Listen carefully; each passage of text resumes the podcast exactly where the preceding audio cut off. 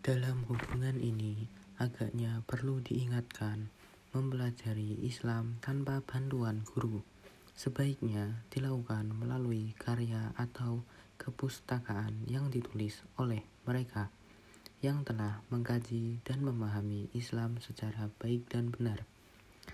Pada umumnya, mereka adalah para ahli atau ulama, cendekiawan, dan sarjana Muslim yang diakui otoritasnya di bidang kajian itu.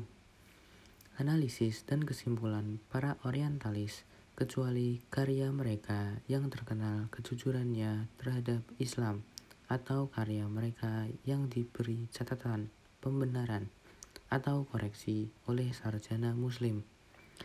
Sebaiknya dihindari oleh orang yang baru belajar Islam, terutama tulisan para orientalis sebelum itu. Sekian, terima kasih. Selamat malam.